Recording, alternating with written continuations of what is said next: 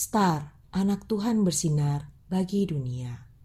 Renungan tanggal 31 Januari untuk anak balita sampai kelas 1 SD. Belajar dari Yesus, Tuhan menyembuhkan. Diambil dari Lukas 7 ayat 21a. Pada saat itu, Yesus menyembuhkan banyak orang dari segala penyakit.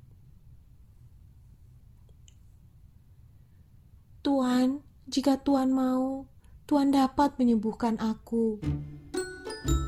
Kata seseorang yang sakit kusta sambil sujud menyembah di hadapan Yesus. Lalu Yesus mengulurkan tangannya, menyentuh tubuh yang sakit, dan berkata, Aku mau, jadilah engkau sembuh.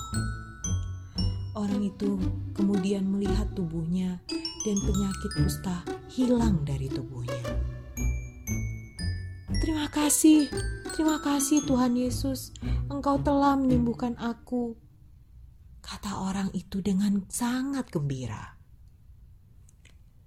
Adik-adik, Tuhan Yesus berkuasa menyembuhkan loh. Mau kan adik-adik berdoa kepada Tuhan Yesus ketika sakit?